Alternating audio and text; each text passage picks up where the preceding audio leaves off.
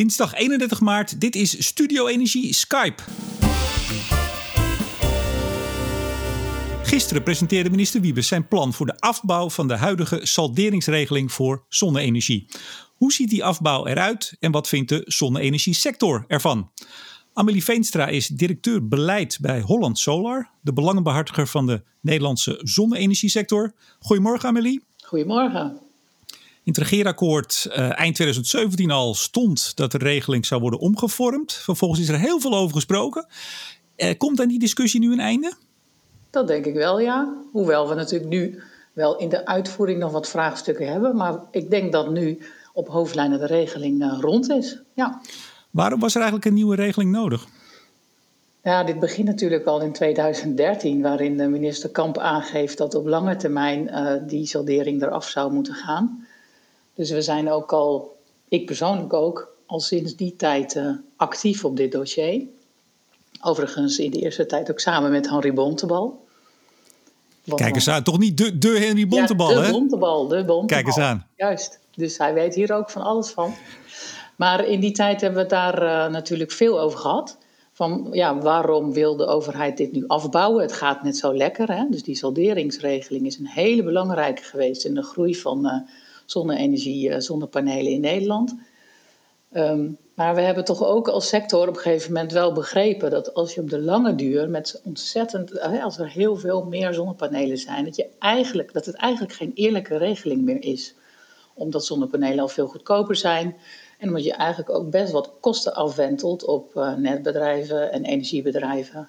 En dat dus mensen met zonnepanelen ook geen energiebelasting meer betalen. En dat gaat ook ten koste van andere mensen die wel belasting betalen en die geen zonnepanelen hebben. Ja, het kabinet zegt uh, als we zo door zouden gaan, dan zou in 2028 die terugverdientijd van die panelen al op vijf jaar, zelfs iets daaronder uitkomen. Ja. En eigenlijk praten we dan over overstimulering, hè, zegt het kabinet. Ja, dat is inderdaad hoe het uh, kabinet dat aangeeft, ja. Ja. En dat klopt? Of zeggen jullie van... Mwah. Ja, overstimulering is natuurlijk een soort oordeel. Eigenlijk wil je heel veel stimuleren. Hè? Dus wat dat betreft snappen we allemaal dat... Uh, ja, waarom zou je zonnepanelen niet overstimuleren? Want je wil juist snel uh, naar richting uh, duurzame voorziening... en een duurzaam energiesysteem gaan. Maar ja, ik, dat volgens mij... overstimulering vind ik altijd wat lastig hoor. Maar ik snap ja. wel wat ermee bedoeld wordt. Namelijk dat van alle regelingen die er zijn, is het salderen ook is echt nu wel uh, volgens de overheid wel echt verwennerij, zal ik maar zeggen. Ja. Je krijgt gewoon ruim 20 cent voor je kilowattuur. Nou, er is geen regeling waar je 20 cent voor je kilowattuur krijgt. We gaan zo even over die regeling zelf praten, wat, uh, wat er nu ja. voor ligt. Maar ik hoorde Ben Voorhorst van Tenet vorige week uh, ook al van ja, misschien moeten we maar eens even gaan kijken naar het, al het stimuleren van die zonne-energie. Want dat doen we vooral als die zon heel hard schijnt en we het eigenlijk niet zo erg nodig hebben. Er wordt natuurlijk van verschillende kanten nu al wat meer gesproken over, moeten we nou wel doorgaan op de voet van de afgelopen jaren? Ja, nou ja, dat is dus uh, het succes van onze sector. Hè? Dat het voelbaar wordt dat we uh, in met die zonnestromen effect hebben op dat energiesysteem. Dus dat is voor ons uh, natuurlijk een heel mooi moment. Hè? Dat we dit soort gesprekken nu moeten voeren, met, ook met de netbedrijven onder andere. Uh, dus daar zijn we vooral heel blij mee. En dat is natuurlijk ook het moment waarop je zegt, moet zeggen als sector, nou dan moeten we daar ook onze verantwoordelijkheid voor nemen. Want uh, het kan natuurlijk inderdaad, dat is ook heel begrijpelijk, niet zo zijn dat je de uh, de energienetten volledig uh, overwenst te belasten en dat ook nog gratis. En dat je meer wil produceren dan dat er vraag is. Dus wat dat betreft geloof ik wel dat, hè, dat, dat we begrijpen wat Tenet daarmee bedoelt. Het jammere is alleen dat we al heel lang in heel constructief gesprek zijn om, om dit soort toekomstige problemen, hè, want het zijn toekomstige problemen waar hier over gesproken wordt, om die mm. te voorkomen met allerlei maatregelen. Daar hebben we heel veel ideeën over. Uh, dus ik denk dat het allemaal niet zo'n uh, spoed heeft. En laten we vooral doorgaan met zonne-energie, want we waren met een lekkere inhaalslag bezig. Ja, maar dat, dat gebeurt dan toch? Dat gebeurt nu. Ja. Feest. Even dat, ja. ja. Kijk eens, uh, dat afbouwplan, want dat is het eigenlijk. Of noemen jullie nou een nieuwe regeling of noem je het gewoon de afbouw van de bestaande regeling? Het is eigenlijk een bestaande regeling die je inderdaad heel uh, voorspelbaar en gradueel afbouwt. Ja, en ja, dat was wat wij ook altijd wilden. Dat tot 2023 uh, ja. ongewijzigd en dan afbouw 9% per jaar. Ja. tot 2031. Ik zag wel, tussen 2030 en 31 springt hij ineens van 28% naar 0, hè? Ja, dat klopt. In het sommetje van TNO, ja. Klopt. Um, ja, nou, ieder jaar een beetje eraf. Uh, leg even uit aan de luisteraars die misschien niet dagelijks met de salderingsregeling bezig zijn. Uh, je, krijgt, je mag niet meer alles tegen elkaar wegstrepen, maar steeds ieder jaar dus een beetje minder. Ja, dat is precies wat het is. Dus je, je wekt zonnestroom op met je zonnepanelen. Daarvan gebruik je een deel. Wij schatten in dat dat ongeveer 30% is in normale situatie. Gebruik je direct. En de rest, dus 70%, stop je als daar op het net. Die mag je nu afstrepen van je, van je energienota. En dat, uh, het aandeel van dat op het net geleverde hoeveelheid van je zonnestroom, uh, dat wordt steeds kleiner wat je dan mag salderen. En, uh, en, het, en het andere deel krijg je dan een redelijke vergoeding voor. Ja, en wat is dan een redelijke vergoeding? Ja, die is dus nu ook gedefinieerd in de brief van, van Wiebes van gisteren. En die zegt, ja, als jij afspreekt uh, dat je bijvoorbeeld uh, nou, 5 cent betaalt voor je kale elektriciteit hè, aan je energieleverancier, uh, dan moet 80% daarvan is dan het minimum wat je daarvoor voor krijgt als je het levert aan het energiebedrijf. Ik weet niet of je me nog kan volgen.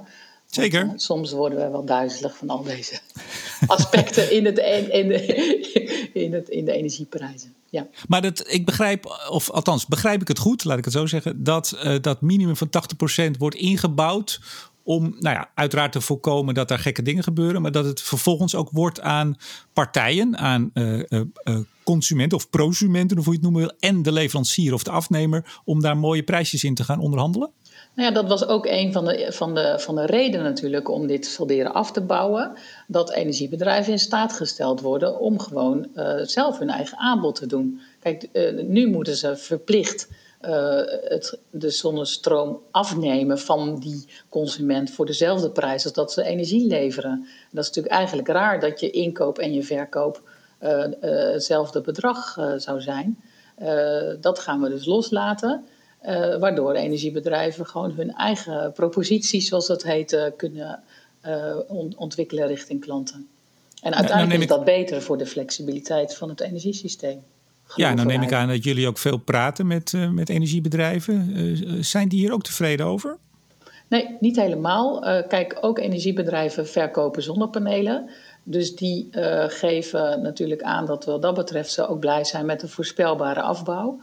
Um, wat ik natuurlijk goed begrijp is dat, en daar moeten we echt nog wel over hebben met elkaar in Nederland, dat, dat deze oplossing, zoals die nu is voorgesteld door minister Wiebes, voor de eindconsument toch ook onbegrijpelijk, op de, onbegrijpelijk kan worden op de energienota. Dus daar zal zeker aandacht voor uh, nodig zijn. Hoezo onbegrijpelijk? Nou ja, om, ja dat, dat vind ik nou dus wel weer moeilijk uit te leggen. Hè? Um, dan zou je ja, maar we hebben hele slimme luisteraars, Amelie. Hele slimme. Die gaan het allemaal, die gaan het allemaal snappen. Nou, lastig natuurlijk voor het energiebedrijf, uh, zo, zoals ik dat begrijp, is dat jouw uh, kalenderjaar niet hetzelfde is als je contractjaar. Hè? Want uh, mm -hmm. die, die afbouw dat loopt per kalenderjaar. Dus wat je gaat zien is dat de consument dus een deel van zijn kilowatturen in het ene jaar eh, voor zoveel procent en het andere jaar voor zoveel procent mag salderen. Dus je krijgt allemaal ingewikkelde meterstanden op je energienota, waardoor je eigenlijk eh, heel snel de kluts kwijtraakt. En dat wekt ook geen vertrouwen op natuurlijk in uh, zonne-energie op de, op de lange duur. Maar is dat niet iets, een fase waar we gewoon even doorheen moeten? Lossen we wel op? Ja, zo, keek ik er zo kijk ik er wel naar. Dus ik hoop ook dat dat waar wordt natuurlijk. Uh, maar hierover zijn we nog uh, vrij veel in gesprek met elkaar. en en ik, ik, weet natuurlijk dat de energiebedrijven met EZK hierover hebben. En ongetwijfeld zal, zal, dat wel door echoen in de Kamer. Het lastige is, is dat hier is dat de Belastingdienst... die mag gewoon echt geen extra complicerende zaken naar zich toegeschoven krijgen. krijgen. En ja, dat is nu even het spanningsveld. Ja, want ik, ik las ook in de brief van Wiebes dat in ieder huishouden moet er een, een meetinrichting komen om nu veel duidelijker, want dat, dat wordt nu van belang, ja. te gaan scheiden tussen wat heb je nou zelf gebruikt en wat lever je terug. Juist. Is dat nog een, een lastige? Ja, wij gaan, eruit van, wij gaan ervan uit dat dat geen lastige is. Wij denken dat die, nou laten we toch maar even de slimme meter noemen. Ook al is de, zijn er wel discussies over. Uh, het moet gewoon een meter zijn die zowel in als uit kan meten en op kwartierstanden kan meten. Um, dus dat noem ik dan toch maar even de slimme meter als het mag van de luisteraars en van jou. Zeker, zeker. maar die slimme meter die wordt gewoon nu uitgerold. En die is natuurlijk ook wezenlijk in het verder flexibiliseren van ons uh, energiesysteem. En ook om de rol van consumenten daarin juist goed te ondersteunen. Dus uh, als jij straks als consument zelf uh, kan meer regie hebt over hoe jij je energie opwekt en hoe je het verhandelt uh, ja, daar heb je gewoon een slimme meter voor nodig. Dat dient gewoon vele doelen. Dus wij gaan, ja. En, ja, ze zijn ermee bezig. En dit is natuurlijk wel een hele belangrijke incentive extra om zo'n slimme meter te nemen. Ik heb er zelf ik trouwens, gisteren... ik heb er zelf trouwens nog, ja? niet, steeds, nog steeds niet één. Oh jee.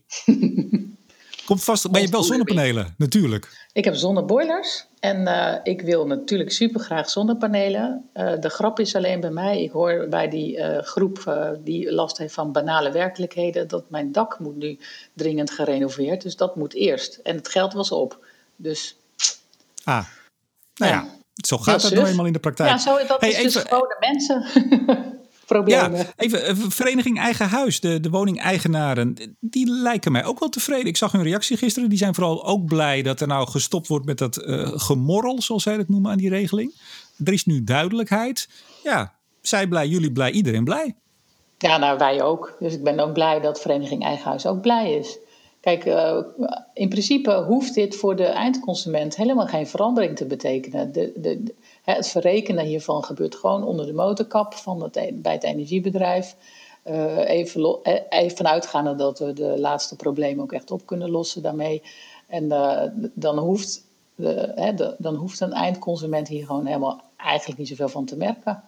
Nee, maar er was best wel ophef. Hè? Er was veel discussie. We hebben veel krantenkoppen of ik zou bij zeggen social media koppen gezien. Blijf van die regeling af. En het was één gedoe en al gedoe. En dan, dan, ik zou bijna zeggen, loopt het misschien toch met de sisser af? Zijn we het gewoon eens en gaat, gaan we gewoon de volgende stap zetten?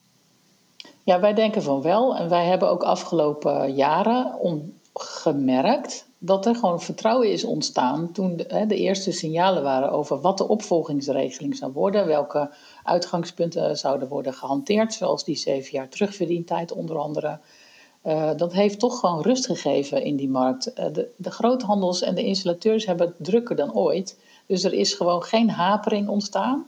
Uh, en we denken ook niet dat, dat die hapering hier nu nog door zal ontstaan.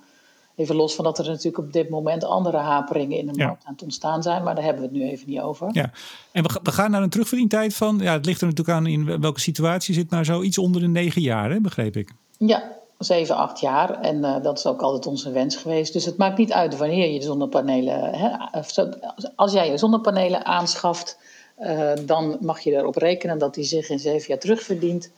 Uh, en dan daarbij, overigens, kan je dat nog verkorten door natuurlijk je eigen verbruik te verhogen. Dus, maar die, eh, die ja. negen, ik dacht negen jaar, of is het maximaal negen jaar? Nou ja, je ziet in dat TNO-rapport natuurlijk mooi die curves. Dat wisselt een beetje per jaar. Er zit een soort golfbeweging in. En het uitgangspunt is inderdaad 7 tot 8 jaar. Er zijn, als je dat, ik weet het even niet meer uit mijn hoofd. Ik heb hem hier niet naast me liggen, het TNO-rapport.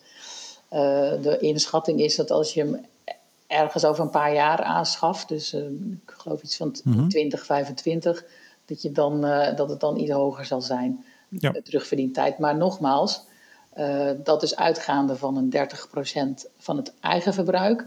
De grap is nu juist dat we het eigen verbruik hiermee stimuleren. Dus dat je zoveel mogelijk van de zonnestroom achter je meter gebruikt. Dat is natuurlijk ook een van de einddoelen die we met z'n allen natuurlijk hebben. dat we die zonnestroom ook daadwerkelijk thuis meteen gebruiken. Ja, of lekker de auto in. En dan levert hij, ja, en dan levert hij ook gewoon nog steeds die 20 cent uh, per kilowattuur op ja. voor de eindconsument. Verwacht, verwacht jij nog problemen in de Kamer? Als uh, Wiebes wil het wetsvoorstel voor de zomer nog uh, insturen? Nou, ik denk wel dat veel partijen de, de, de Kamerleden zullen vinden. Ehm, Maar ik denk dat het dan meer inderdaad zal gaan over hoe gaan we dit netjes inregelen, zodat de eindconsument het allemaal begrijpt. En dat, er, dat, dat het ook echt een robuuste regeling is. Ehm, ik verwacht verder niet heel veel problemen. Wij hadden gisteravond heel even contact om uh, vandaag contact te hebben. Toen zei ik zit, ik zit toevallig op een kantoor, niet tussen de muitende kinderen. Moet jij nu weer terug naar muitende kinderen of hou je nog wat rust vanmiddag? Nee, ik heb afgesproken thuis dat ik over een kwartier ongeveer de muitende kinderen weer overneem. Ja. ja. Nou, dan wens ik je daar veel succes bij. En bij de uitwerking, of althans het goed duidelijk maken, uh, ook naar alle consumenten van de, de nieuwe salderingsregelingen. Ja, nou ja, dat, dat, dat laat ik lekker aan mijn leden over om dat aan hun eindklant zelf uit te leggen. Maar we helpen daarmee zoveel als kan. Ja. Dat is zo lekker als je bij een branchevereniging werkt, hè? Zo is het, want zij kunnen verkopen. En uh, Kijk.